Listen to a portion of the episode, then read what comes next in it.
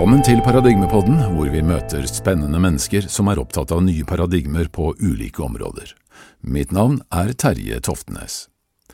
Nå skal vi møte en av de virkelig store fyrtårnene innenfor ny spirituell forståelse, så dette er en episode jeg har gledet meg til veldig lenge. Men før vi starter vil jeg bare minne om mitt foredrag som jeg skal holde i Oslo og i Bergen andre uke etter påske, Nye paradigmer i emning, rapport fra grenselandet mot ukjente, hvor jeg skal presentere ny konseptuell forståelse av vår virkelighet, en forståelse som nå støttes av stadig mer forskning innen kvantemekanikk, kognitiv vitenskap, hjerneforskning, kosmologi osv. Litteraturhuset i Oslo 18. april og Litteraturhuset i Bergen 21. april. Påmelding og mer info om foredraget på litteraturhusenes nettsider. Jeg tror dette skal bli en veldig spennende kveld, også med påfølgende spørsmål og diskusjon. Så velkommen. Jeg vil også minne om mitt foredrag Fri fra kreft, om forskningen på den nye kreftforståelsen som nå utfordrer dagens kreftparadigme. Det skal holdes i Sandnes utenfor Stavanger den 27. april. Påmelding via nettsiden livsgledeforalle.no. Livsgledeforalle.no. Også her diskusjon etter foredraget om dette temaet som dessverre berører så altfor mange, men som nå inneholder mange nye spennende lyspunkter. Så velkommen her også. Så til dagens gjest. Forfatter av over 20 bøker, oversatt til nesten alle verdens språk. Han karakteriseres som et levende fyrtårn, og har i nærmere 30 år holdt verdensomspennende seminarer og foredrag om denne nye forståelsen av vår virkelighet og om begrepet Gud. Neil Donald Walsh nærmest sjokkerte verden med sin bok i 1995, Conversations with God, hvor han påsto å ha hatt en kanalisert samtale direkte med Gud.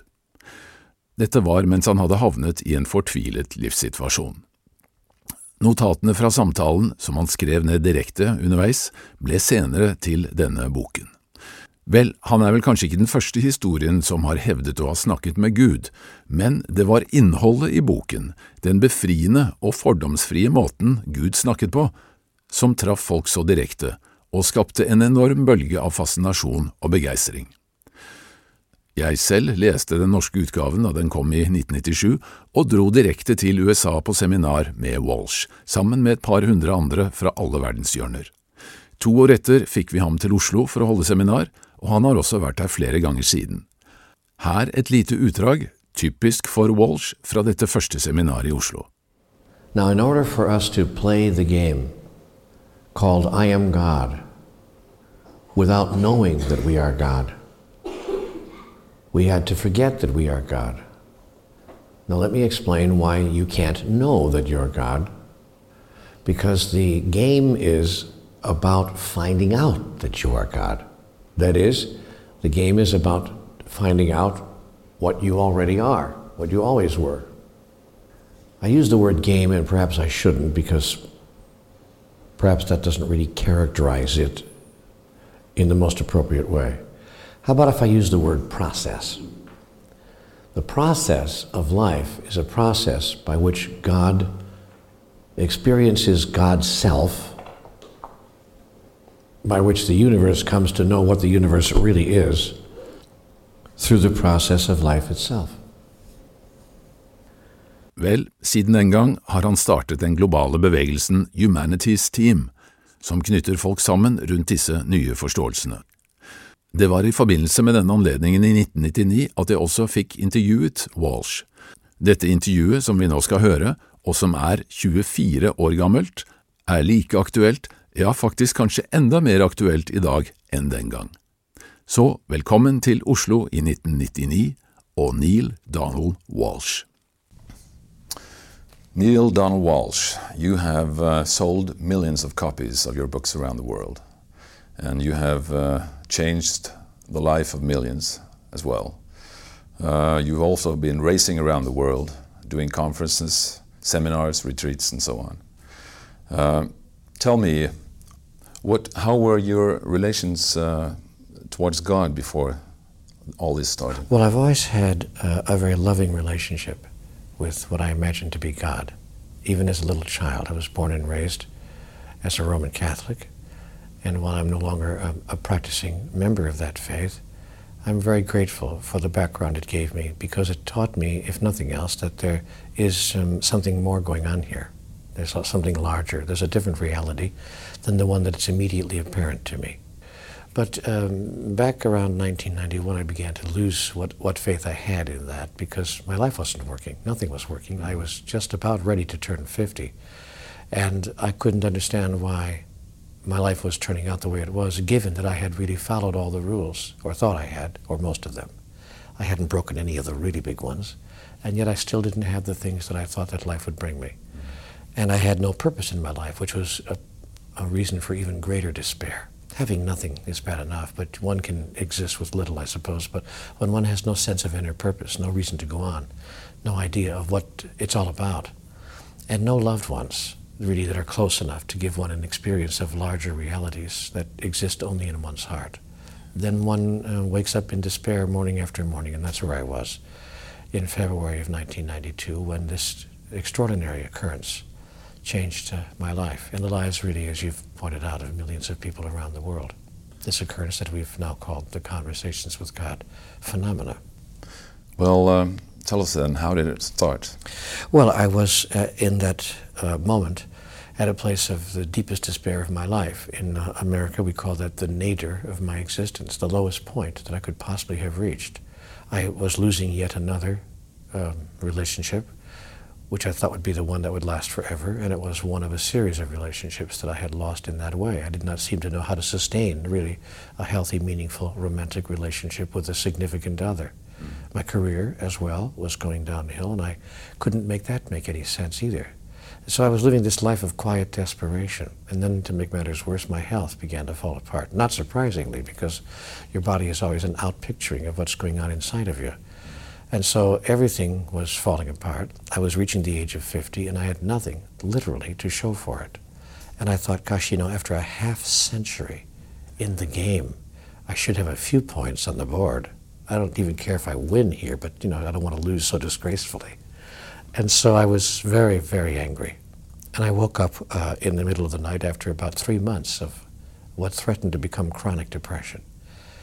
And I threw back the covers of my bed, realizing that I couldn't really just go on anymore. Mm. And I have to be very frank with you and very transparent and tell you that I was considering just ending it all. Imagine, I mean, I really didn't have that kind of problem. People on this planet really have serious problems. Mm. By problems, we're not of that nature. But I, we can grow our own experience into a huge trauma if we want to. And I had grown mine and created an enormous trauma that really was uh, causing me to be quite willing to just end it all. So I was marching around the house in the middle of the night trying to find some answers. And I can recall this night vividly. I went to where I always go in the middle of the night for wisdom, but there was nothing decent in the refrigerator that evening, so I found myself on the couch instead. And there I was, sitting on the couch in the middle of the night, it's 4.15 in the morning, asking the questions that all of us ask, I would imagine, if we reach these kinds of moments. What does it take to make life work?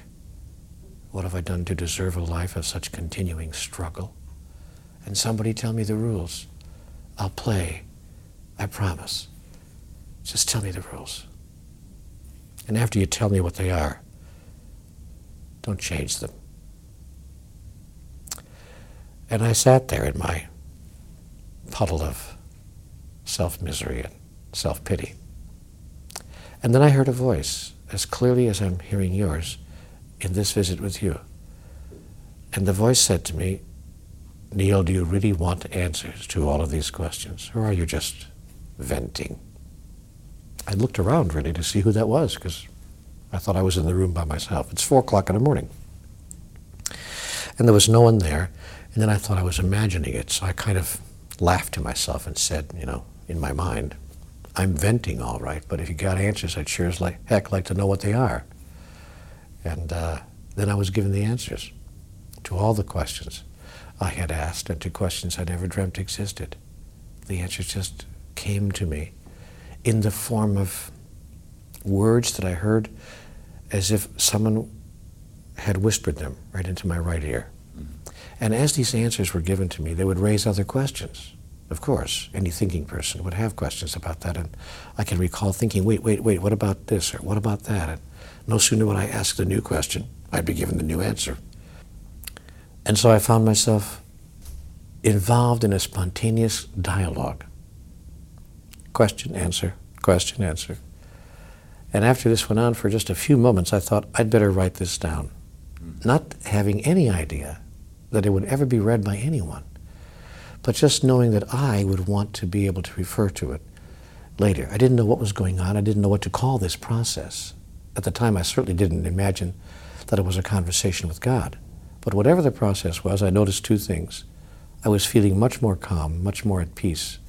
And I was getting, in fact, very real, workable answers to life's toughest questions. So I thought, write it down. And I did, just for my own record keeping, and I guess partly even for my own amusement. That was the beginning of a six year process that goes on till this very day.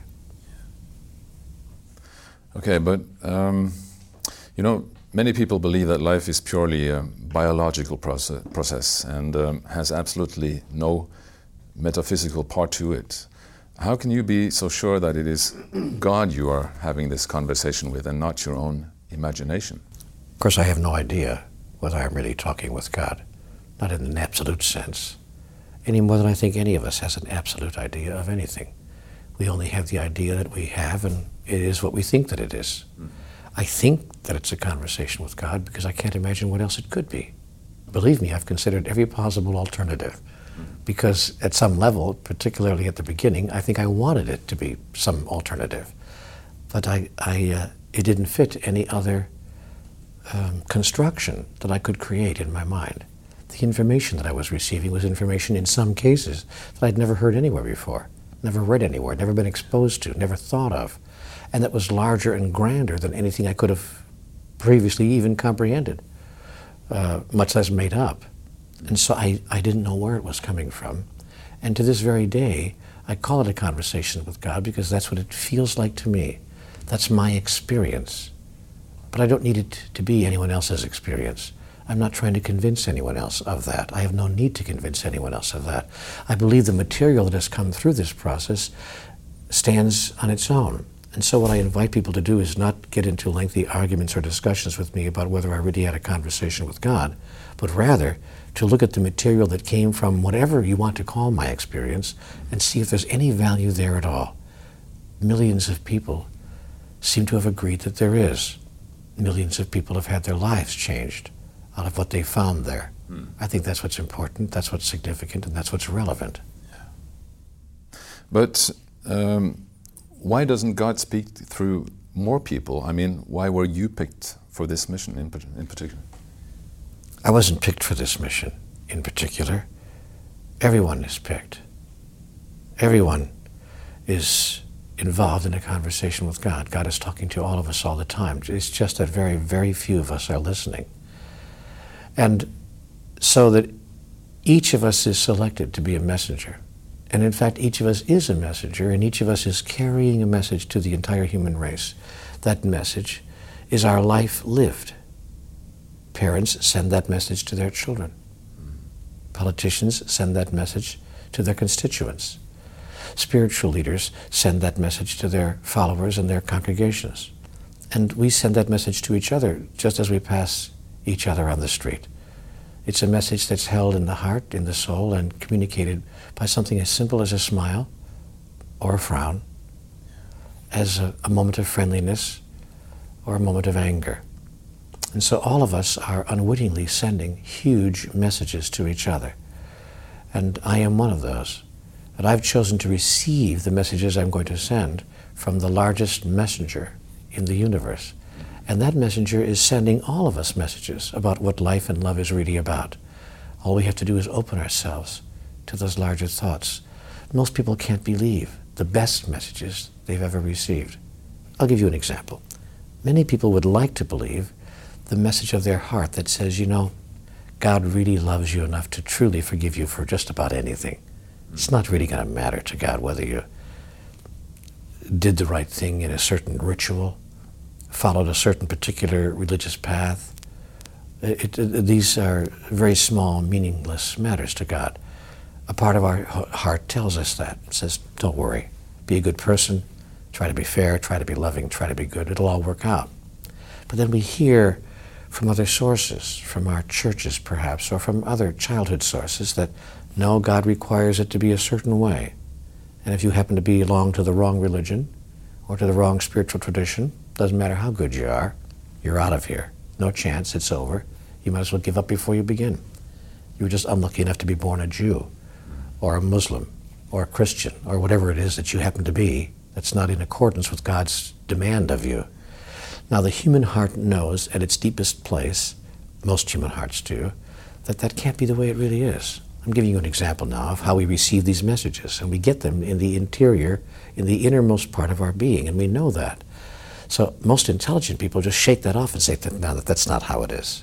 And yet, we have to live those traditions sometimes in order simply to sustain our place in society.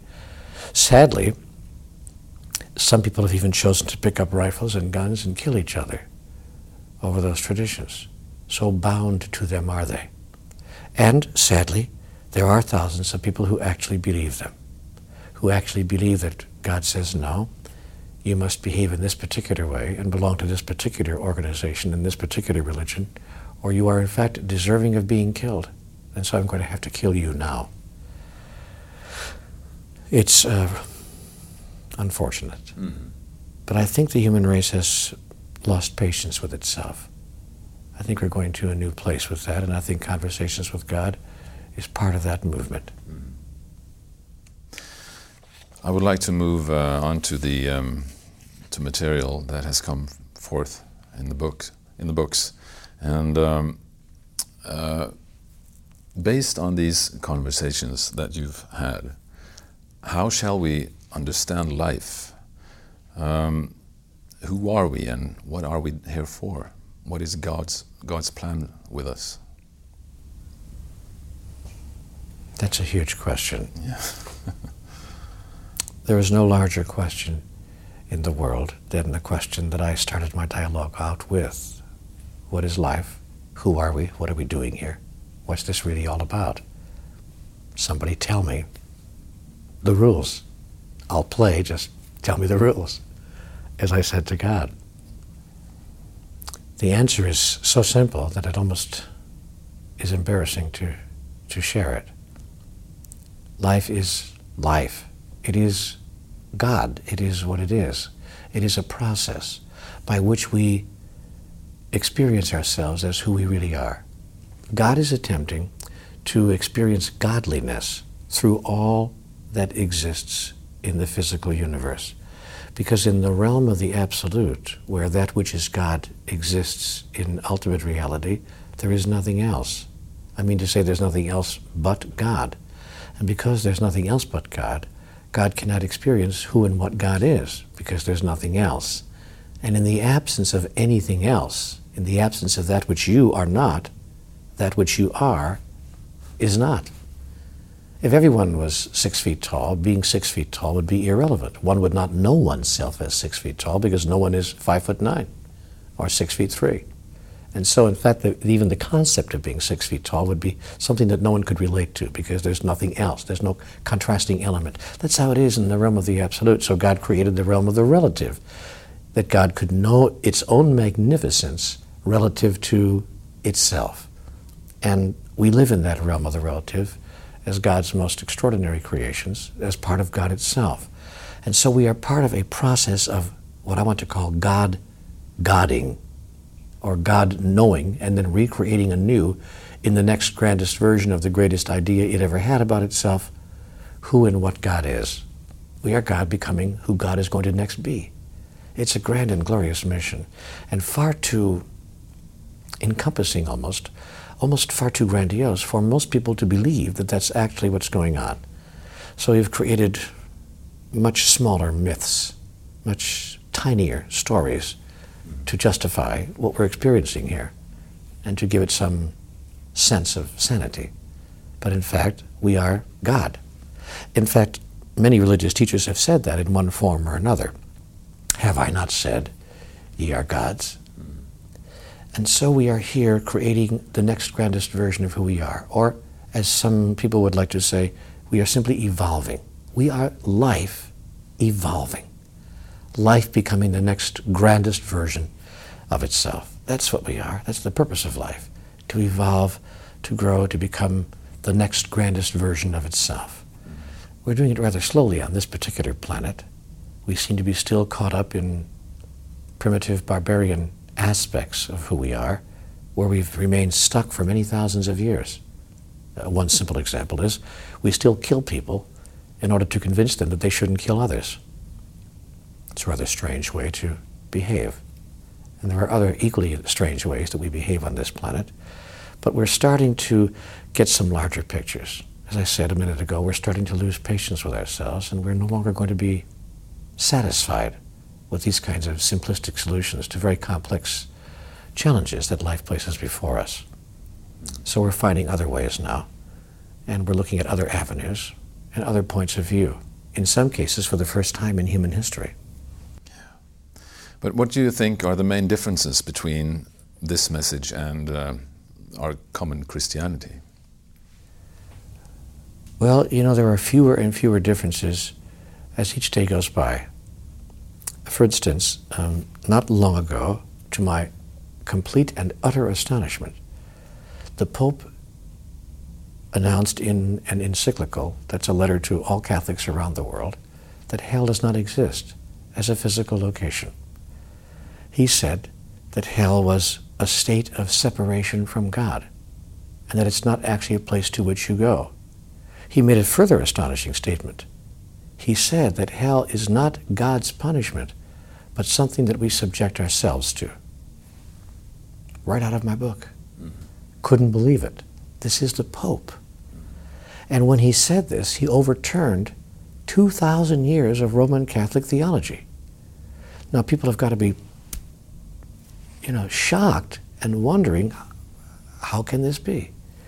And so what we're seeing is that uh, the world's traditional religions are taking a new look at themselves as they begin to notice that they're way behind the curve and that their constituents and their congregations and their followers are way ahead of them. You have to understand that 99% of the world's Catholics have come to that conclusion 50 years ago. And increasingly over the past half century, we're just waiting for the Pope to catch up. And this is true of all institutions, not to belittle religion. Politics is exactly the same way we say that politics is, con- is consisting of leaders, and in truth, all the leaders do is follow the masses. So we're always, we're always pulling these apparent um, leaders along with us. And um, so the differences between what's appearing in conversations with God and what one finds in Orthodox or so called traditional religions are becoming less and less almost by the day. Still, I suppose there are some significant ones that remain. Um, the Conversations with God trilogy says, for instance, that there's no such thing as right and wrong. Uh, there's no organized religion that's yet prepared to say that. The Conversations with God trilogy says that we are all one. Uh, organized religions sometimes uh, say that that is true, but don't act that way on one hand, they say that we are all our brother's keeper and it's all about brotherly love and all the rest. But on the other hand, they preach a doctrine of betterness, that we are better than you. So much better, in fact, that if you belong to our religion, you go to heaven, and if you don't belong to our religion, you go to hell. That's rather exclusionary and seems to be self contradictory. So there are some, I suppose, elements of the conversations with God material that are still what one would say at odds with traditional religion. Uh, but I'm happy to say that. Uh, increasingly as the months go by, we're seeing uh, a lot of those contradictions and points of difference disappear. But uh, according to the church, we are all born sinners. Uh, are humans basically evil? No. Religion likes us to think that humans are basically evil. Religions like us to think that we were all born in sin because it then motivates us to move toward a religion so that our sin can be removed and we can be forgiven. And religions have a habit of telling us that there's only one way to have our sins forgiven, sins which we were never born with to begin with. And that way is, of course, through that particular religion, that particular ritual, that particular process that only that religion offers and not the one down the street. And so it's just a marketing device. Really, I mean, I don't mean to be crude, but it's really just a very gentle and sometimes not so gentle marketing ploy. And uh, it's not true. But it's the most important question facing the human race as we move into the 21st century. We have got to make a basic decision. What, in fact, is true about the human race? Are we, in fact, a species that is basically evil and that left to its own devices will manifest that evilness in everything that we think, say, and do? Or in fact, are we basically, basically good and will manifest that goodness if left to our own devices? Hmm, this question is not a small matter.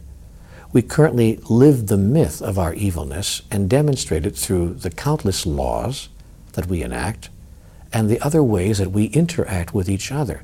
The automatic assumption going in is that you can't be trusted. I can't be trusted to do what's right. There are very few people who are willing to live, for instance, on a handshake. I have very few contracts in my life. Most of my contracts are handshakes. But now my lawyers are telling me that since the num- numbers are getting bigger, we should put it on paper. It's really sad. You know, and I've, I've, joined, I've joined that movement to putting it on paper because my attorneys tell me that I really have to. Neale, you don't understand the world you're living in. Well, I'm hoping to get away from that. It's not my thought that human beings are basically evil. I believe, left to our own devices, that we will more often than not do what is right. And particularly if we change the outcomes that society has put in place that have convinced us that doing what is right is not in our best interests. Right now, for instance, we have a society that's based primarily on lies and falsehoods, on what I call withholds, information that's withheld from each other.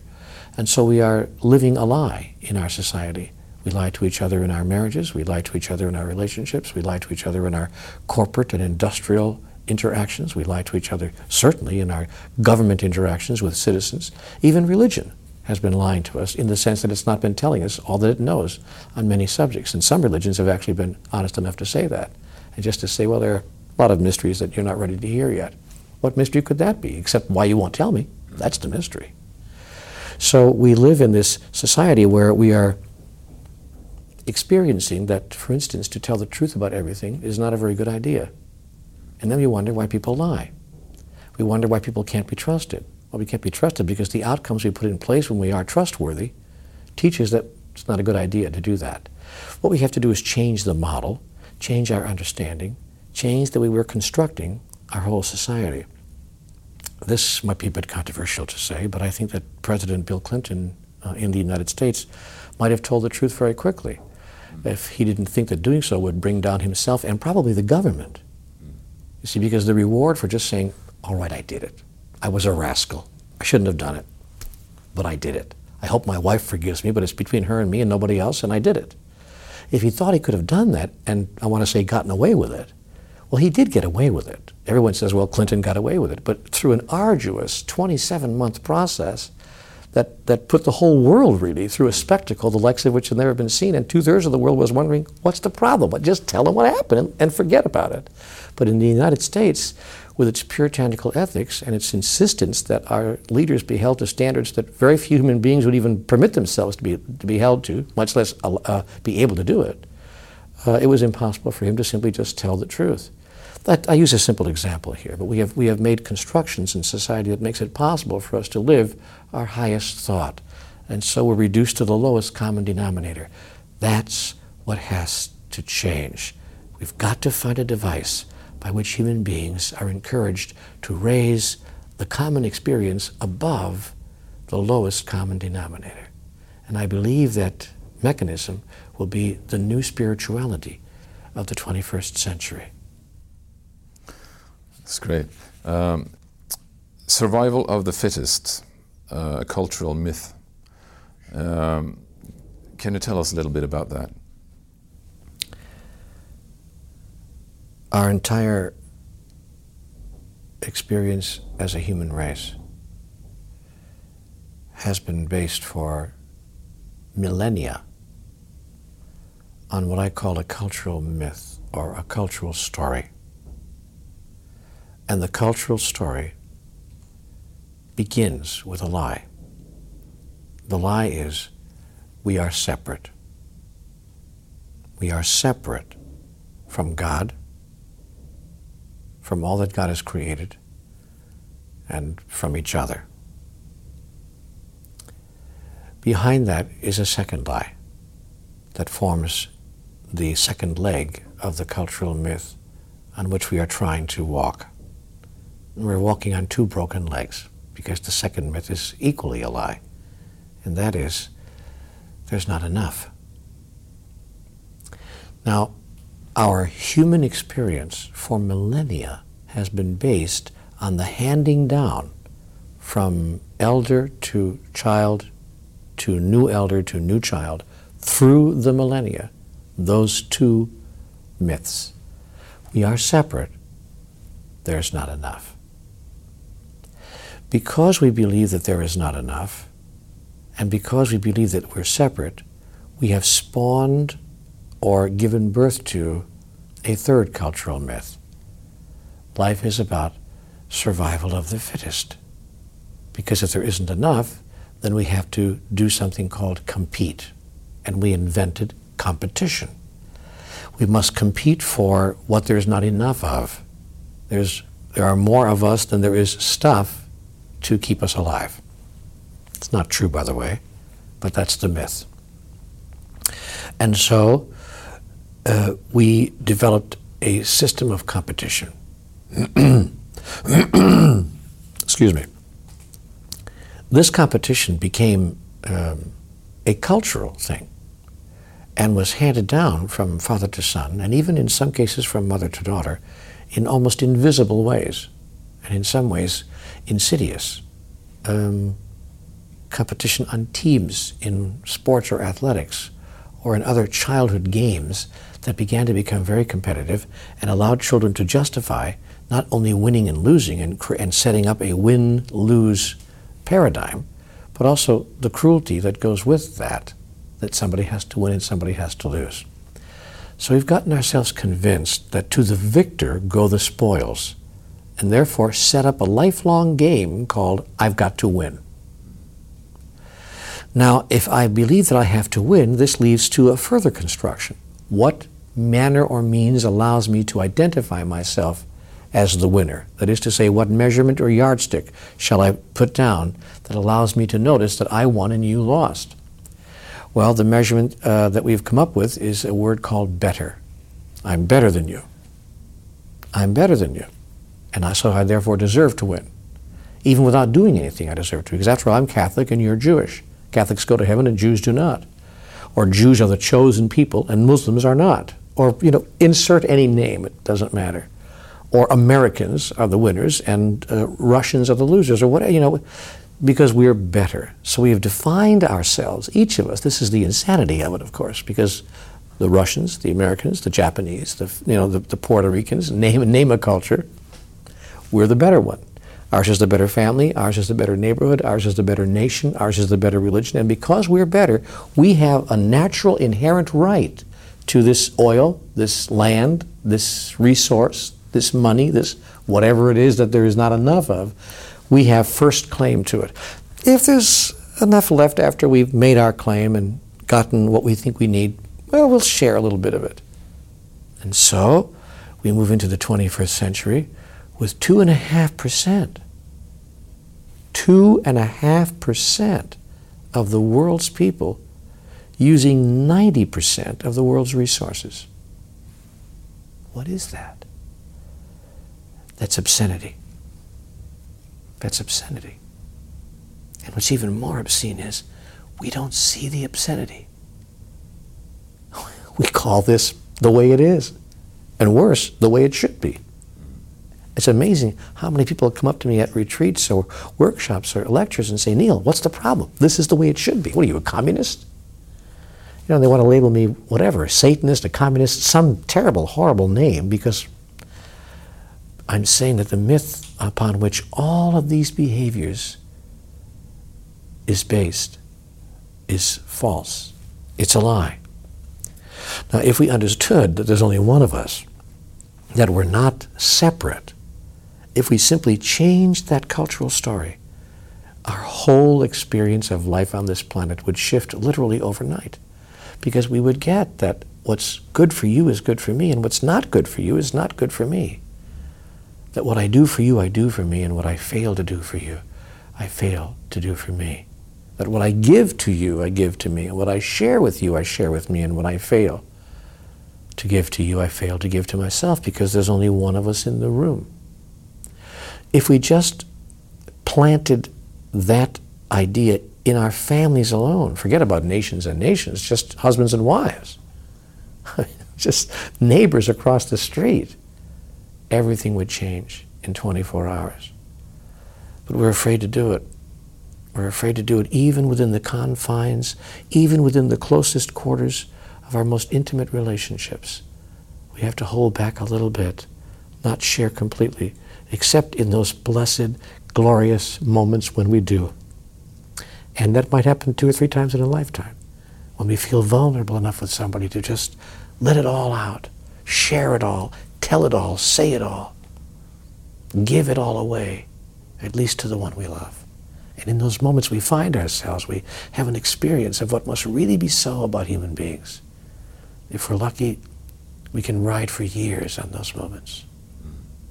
But we need to find a way to translate that intrinsic truth that the human heart knows into exterior realities in a larger arena that change our political understandings and our outward experience on this planet before we kill ourselves. Now, the second key to doing that will be to divorce ourselves from the myth of not enoughness. You see, if we thought there was enough, we would have no problem sharing it. So if I have enough here. And the reason we don't think there's enough is that we don't understand how the universe works. That which you release comes back to you. Now, there are spiritual traditions of every stripe and color which say that. As you give, so shall you receive. We say these things on weekends in our houses of worship, and we do not live them. We say many things in our houses of worship that we do not live. That's why our houses of worship have got to change what they're saying. And so we have these myths that have become our reality survival of the fittest, to the victor go the spoils, there's not enough, we're separate from each other, and it all goes away by adopting the triune truth of conversations with God. We're all one. There's enough. And there's nothing you have to do. Just be who you really are. Understand what is really so and act from that place.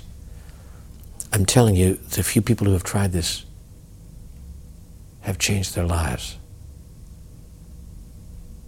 Mm-hmm.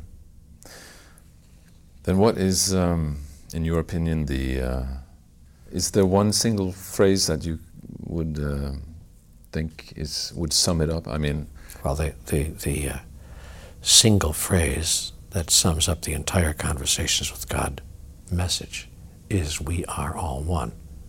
Four words that would change the world. It's not a new teaching. It's not new thought. It's not new age. It's not new anything. Every single religious and spiritual tradition on this planet has visited that wisdom, and most have announced it as their reality simply haven't found a way to translate that into what I call functionality.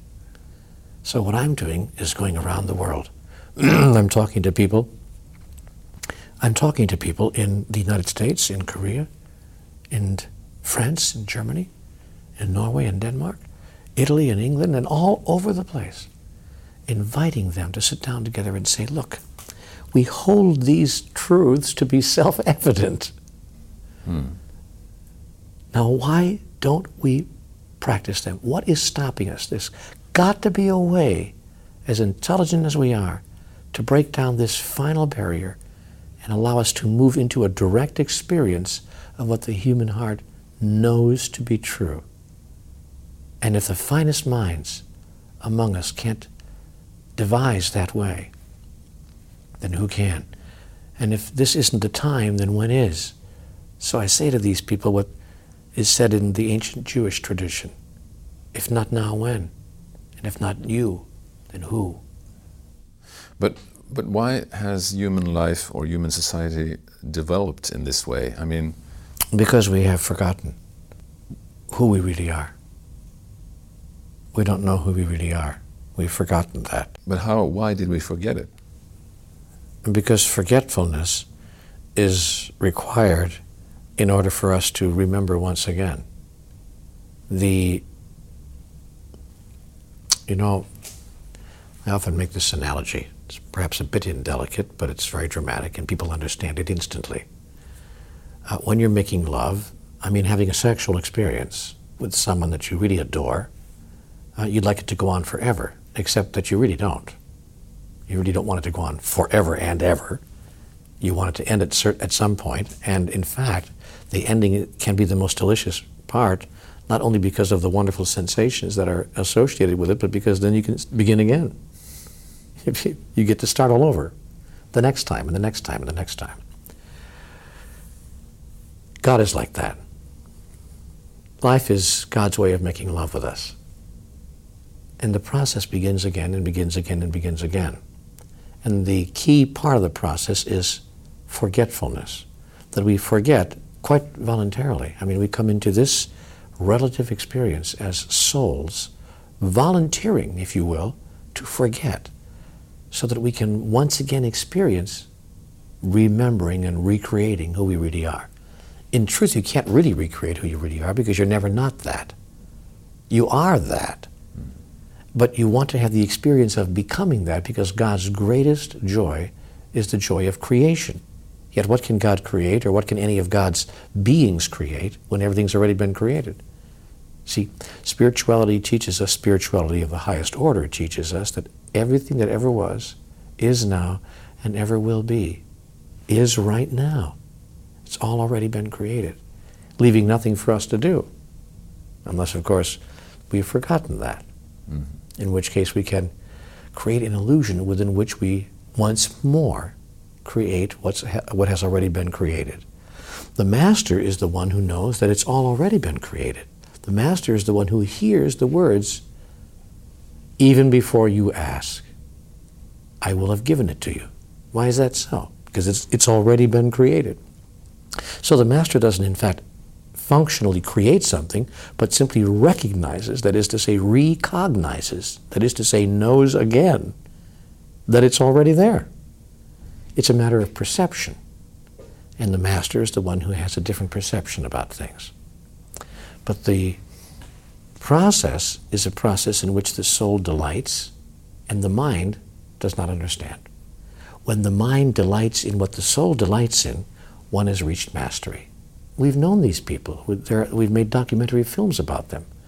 They're very peaceful, they're very calm, they're very serene, and nothing violates that sense of inner serenity. They give you all they have to give. You, you couldn't ask them for anything they wouldn't give you. They truly live if a man slaps you on the right cheek, turn and offer your left. They truly live if a man asks you for your shirt, give him your coat as well. They truly live if a man asks you to walk one mile with him, go with him twain. Masters live that. They don't simply talk it.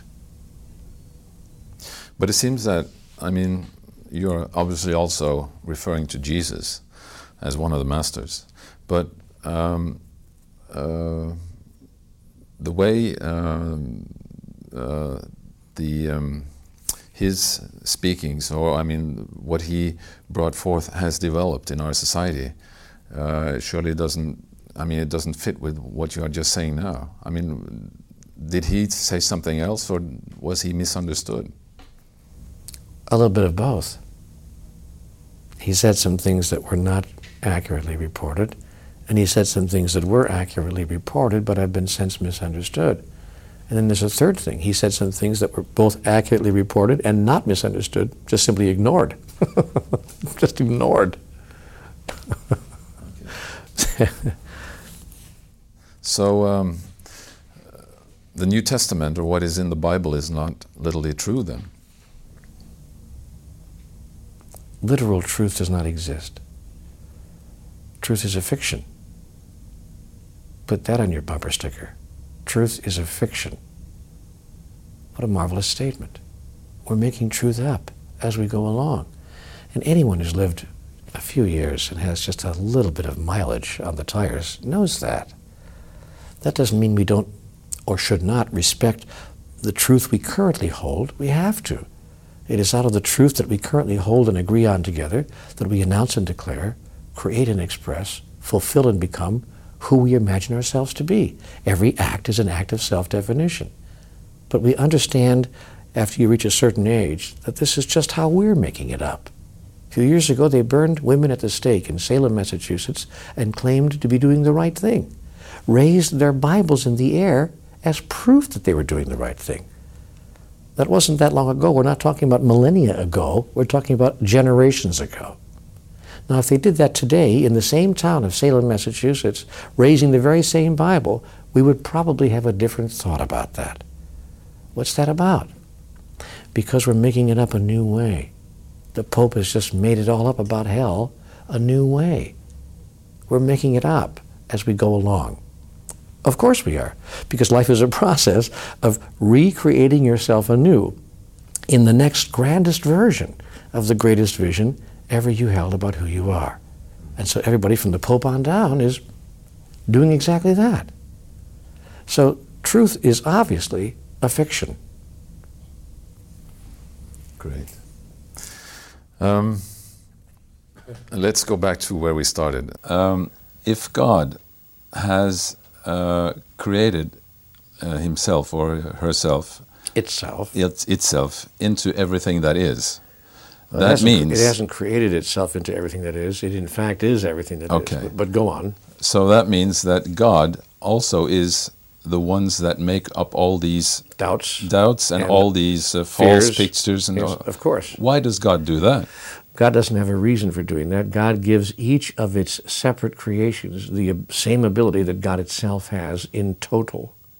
As the ocean imbues in every one of its waves and every one of its drops the same characteristics of the ocean itself. Perhaps it takes the culmination or the accumulation of all the drops to create the power of the ocean. But each of the individual drops of the ocean contains the same characteristics. And God has done that with the individuations of itself that we call in our life human beings, and in fact every aspect of life. So it isn't a question of God doing something or not doing something for a particular reason. It has to do with the very character of who and what human beings are. We have been given what many religions even call free choice. That is, the ability to create our reality exactly as we choose to create it. This is true, by the way, for sentient beings all throughout the universe.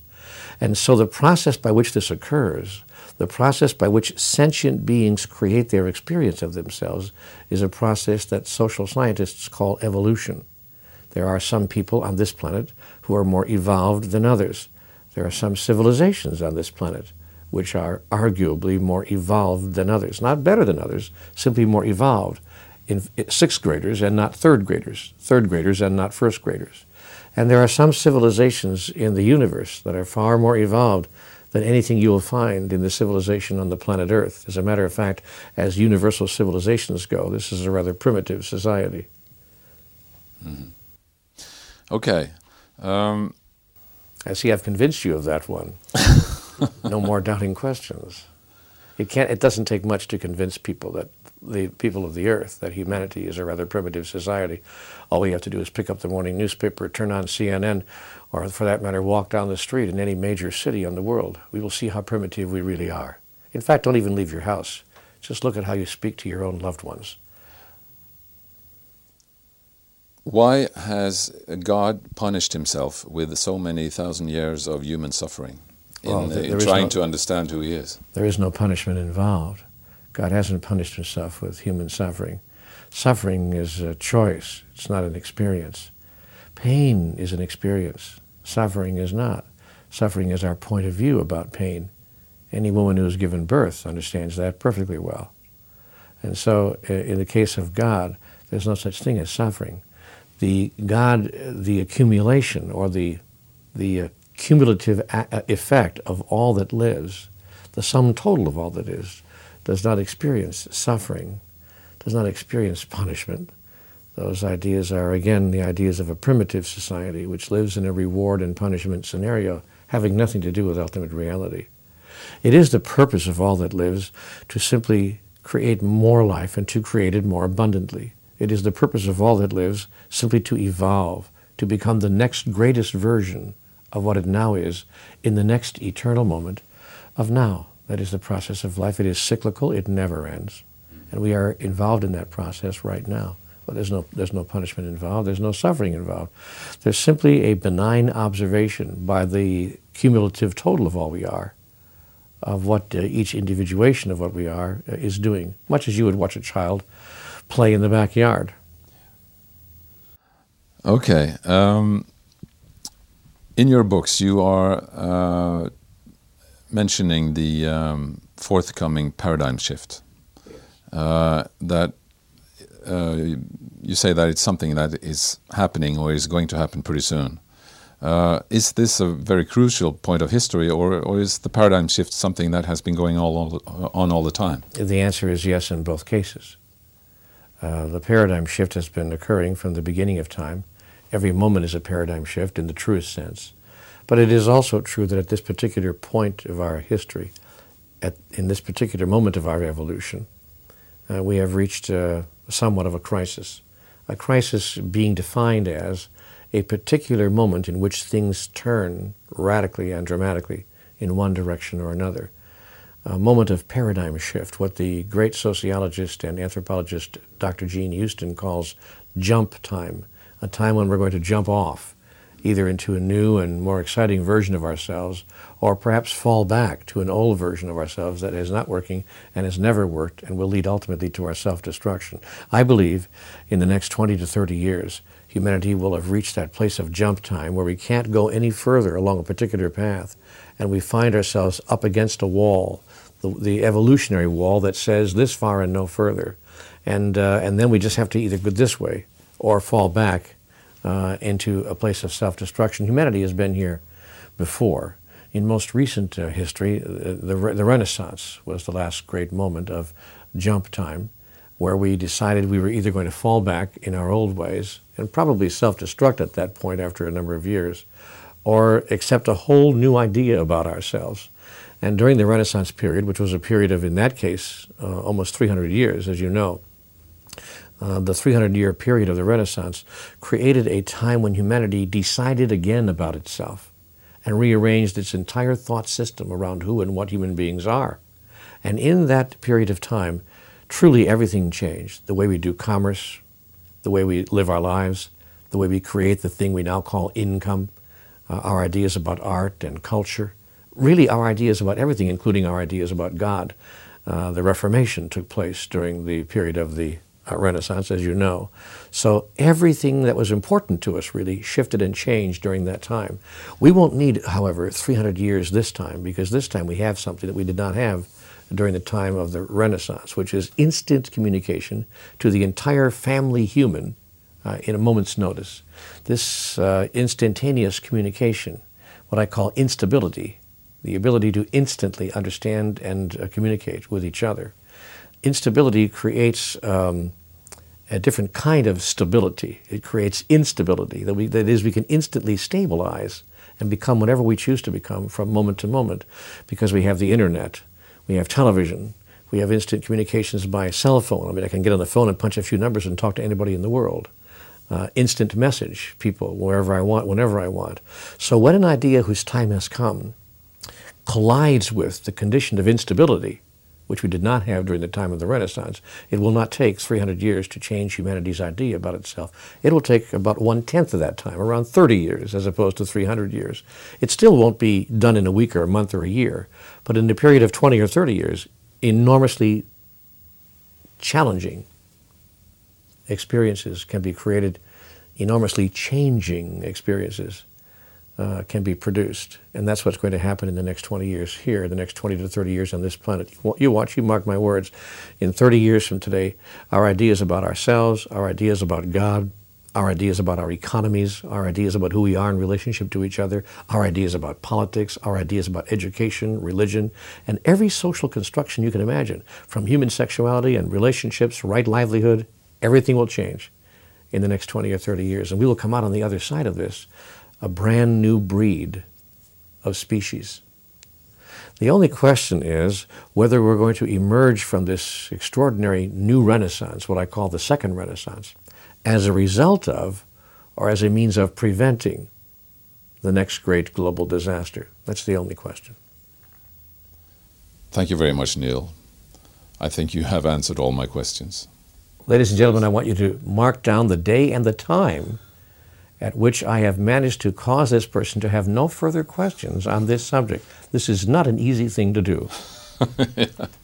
yeah, okay. Yeah, yeah. ja, stor takk til Neil. Han er, som mange sikkert vet, fremdeles aktiv både som forfatter og seminarholder, og kom med sin siste bok bare for et par år siden. Men det er likevel den første triologien hans, Conversations with God 1, 2 og 3, eller Samtaler med Gud som den heter på norsk, som har fått størst oppmerksomhet på grunn av sitt grensesprengende innhold, og fordi den har åpnet for en befriende ny forståelse av hva vi er en del av, og hvilken mening dette gir til livet her og nå. Her snakker vi virkelig om et nytt paradigme. Til slutt i dag bare minner jeg om vårt VIPS-nummer 524 005, 524 005, og takker igjen for alle de som også har støttet oss så langt. Så ser jeg frem til å høres i neste episode av Paradigmepodden.